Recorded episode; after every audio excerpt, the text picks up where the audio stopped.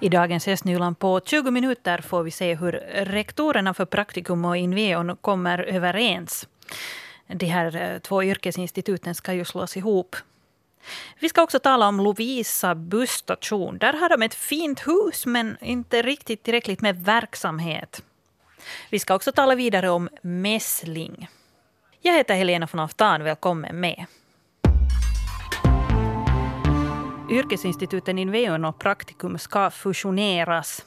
I november fattades det här beslutet och den nya utbildningsanordnaren tar över i januari 2020.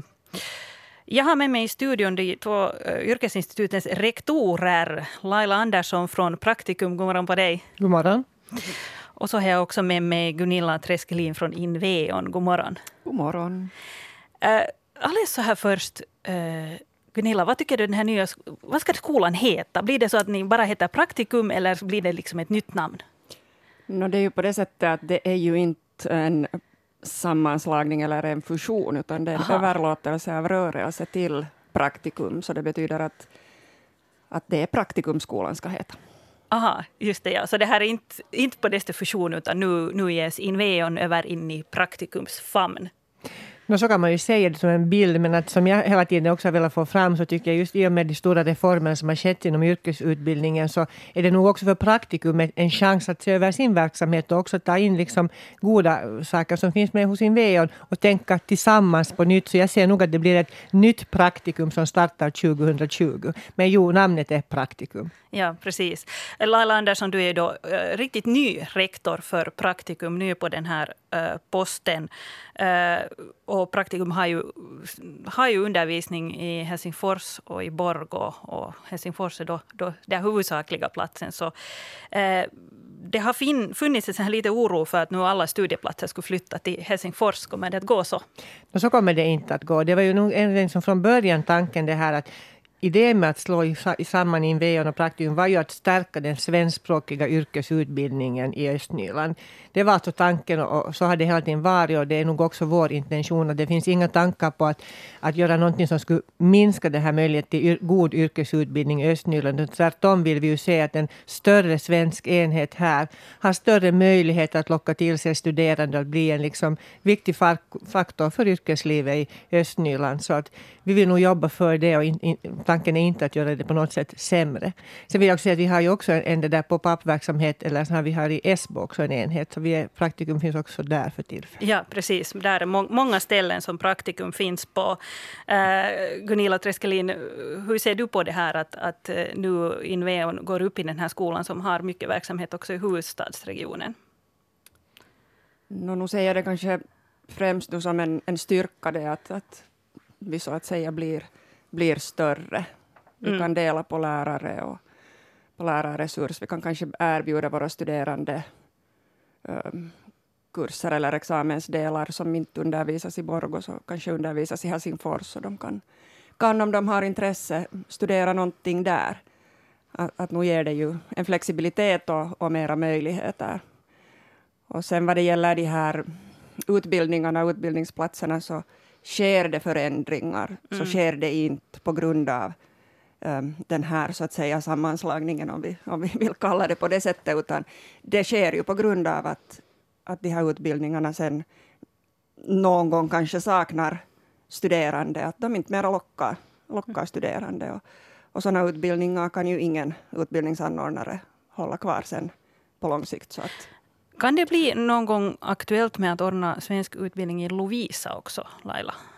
No, en sak som man ju funderar mycket i yrkesutbildning, vi har funderat på att vi måste ju locka till oss studerande. Det är ju jätteviktigt för oss. Och det, där. Det, har ju varit, det att man börjar till exempel i Esbo handlar ju om det som Harriet då liksom Alnäs stod i och visste att där fanns sådana studerande som kunde gärna skulle vilja läsa till merkonom men tyckte att vägen till Arabiastranden var för lång. Så den började som en sån här pop-up-verksamhet där.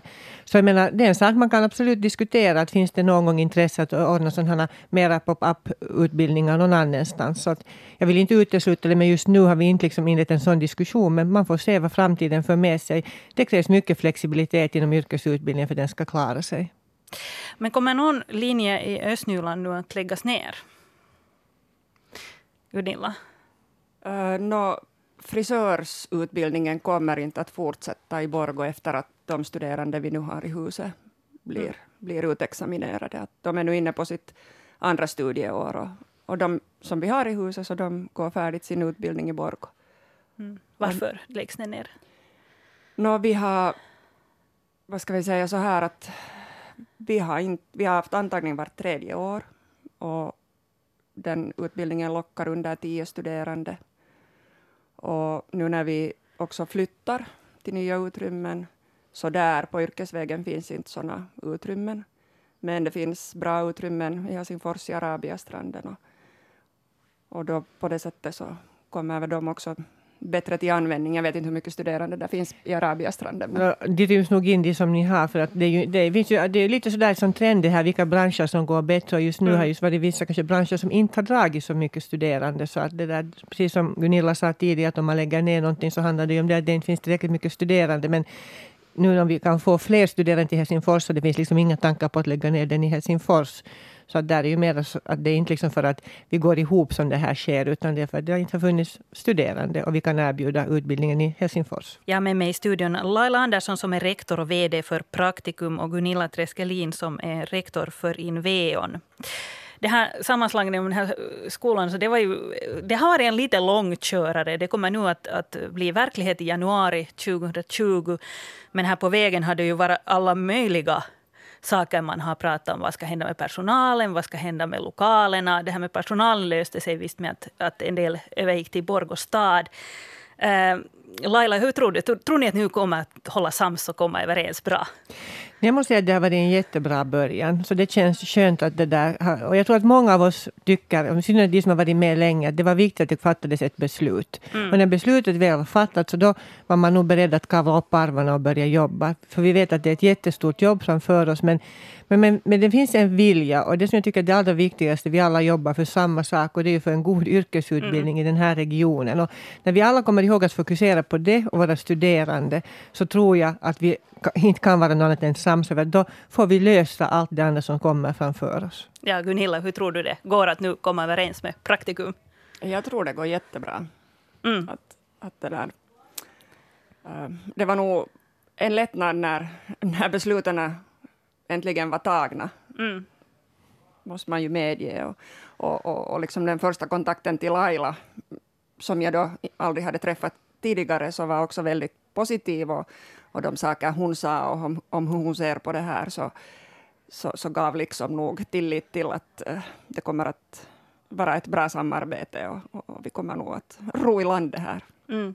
Precis. En av de sakerna som det har, har rots och hopats om är det här med vilka lokaler uh, den här nya yrkesinstitutet ska ha i framtiden.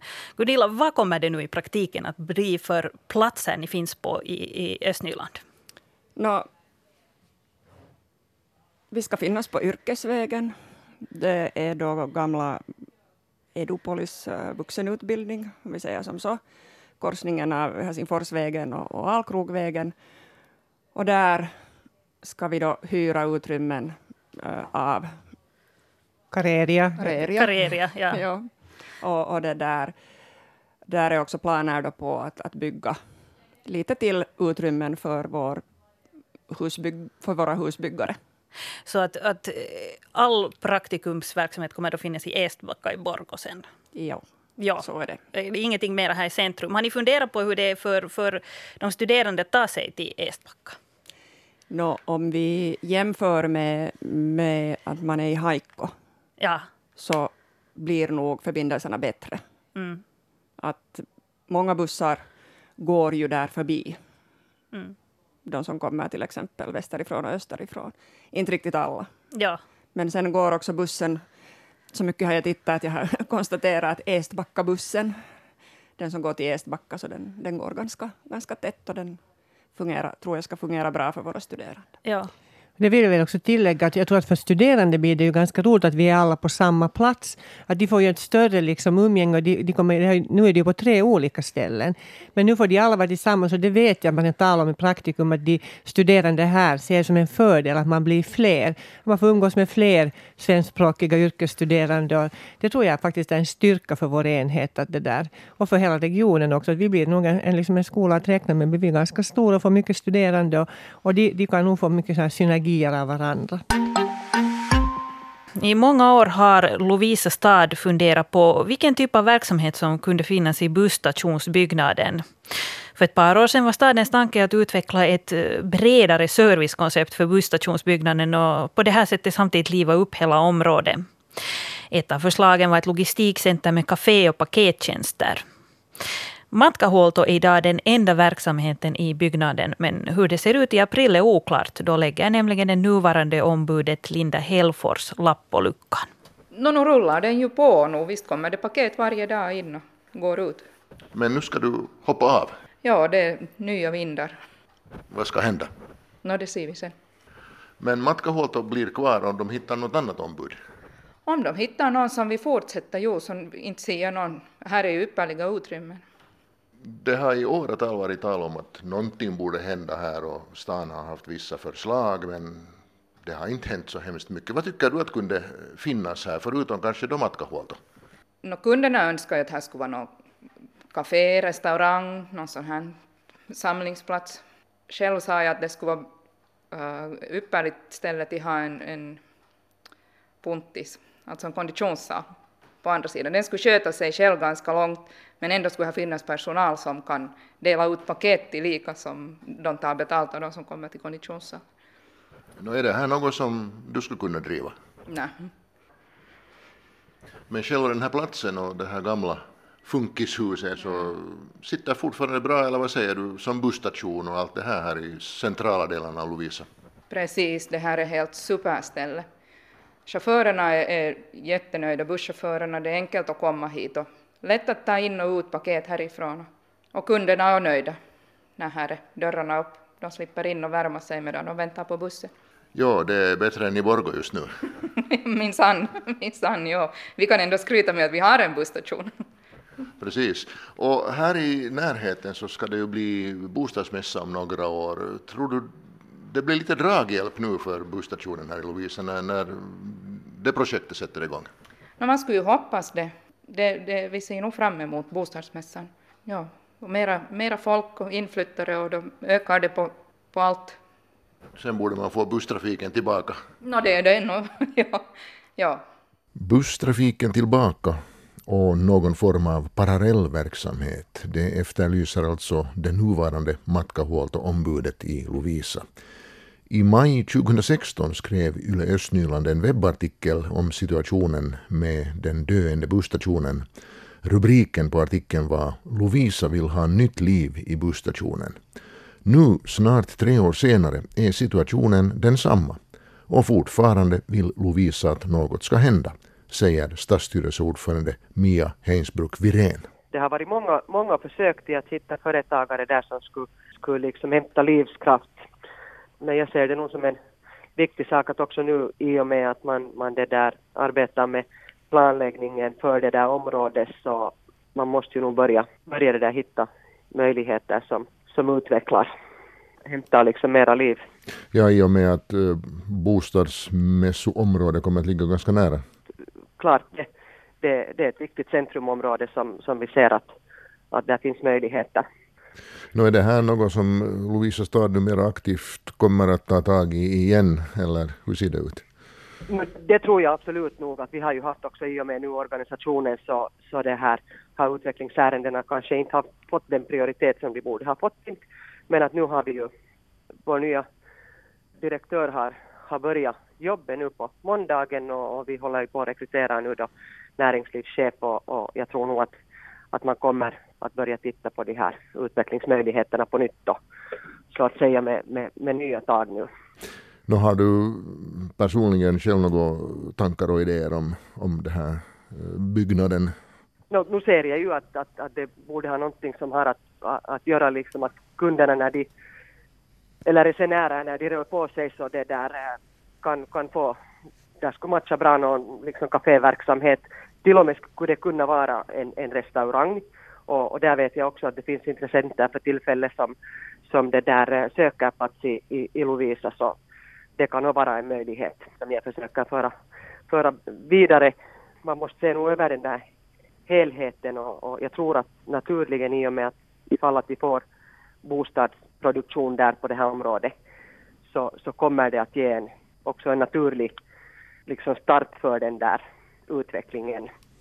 Att själva busstationen och byggnaden så den är ju värdefull i, i och för sig och, och, och, det där det måste nu bara sättas pondus på att hitta, hitta verksamhet där. Att nu ser jag jätteviktigt att man, man kan liksom få, få en, en start på den där utvecklingen i hela, i hela kvarteret och, och, jag hoppas att när vi har bostadsmässa så, så, så har vi också det här området redan det där utvecklat.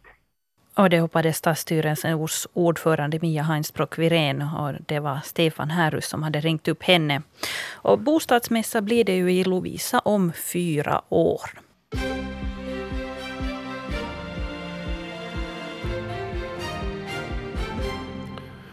Klockan är halv åtta. Det här är nyheterna från regionen Östnyland med Stefan Härus. God morgon.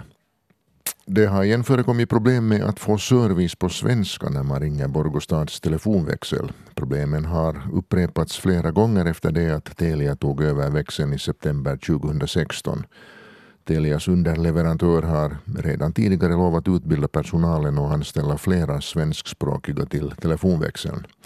Saken ska diskuteras på ett möte mellan Telia, underleverantören och Borgostad nästa vecka. Om förbättringar inte sker snart kan staden göra en reklamation till tjänsteleverantören Telia. Och mera nyheter från Borgo. Hela Gammelbacka skogsområde i Borgo bör vara ett naturskyddsområde. Det här föreslås i ett invånarinitiativ. Enligt undertecknarna skyddas inte Gammelbackaskogen enbart av en skötsel och nyttjandeplan för nationalstadsparken. Enligt Borgostads plan för området ska det i närheten av skogen byggas ett område för småhus. Enligt undertecknarna av invånarinitiativet är området sårbart med bland annat sällsynta arter ur djur och växtlivet. Tills vidare har 288 skrivit under invånarinitiativet. Samåkningstjänsten Byaskjutsen har hittat användare i Borgå men invånarna i Lovisa har tills vidare inte visat något större intresse. Byaskjutsen är en hybrid mellan taxi och buss som kört omkring sedan mitten av januari. Det här är ett försök att förbättra kommunikationen till byarna. I Borgå trafikerar byaskjutsen mellan centrum och de norra byarna och i Lovisa på området Mickelspiltom-Forsby-Gammelby. Både Borgå och Lovisa hoppas att fler ska hitta tjänsten framöver.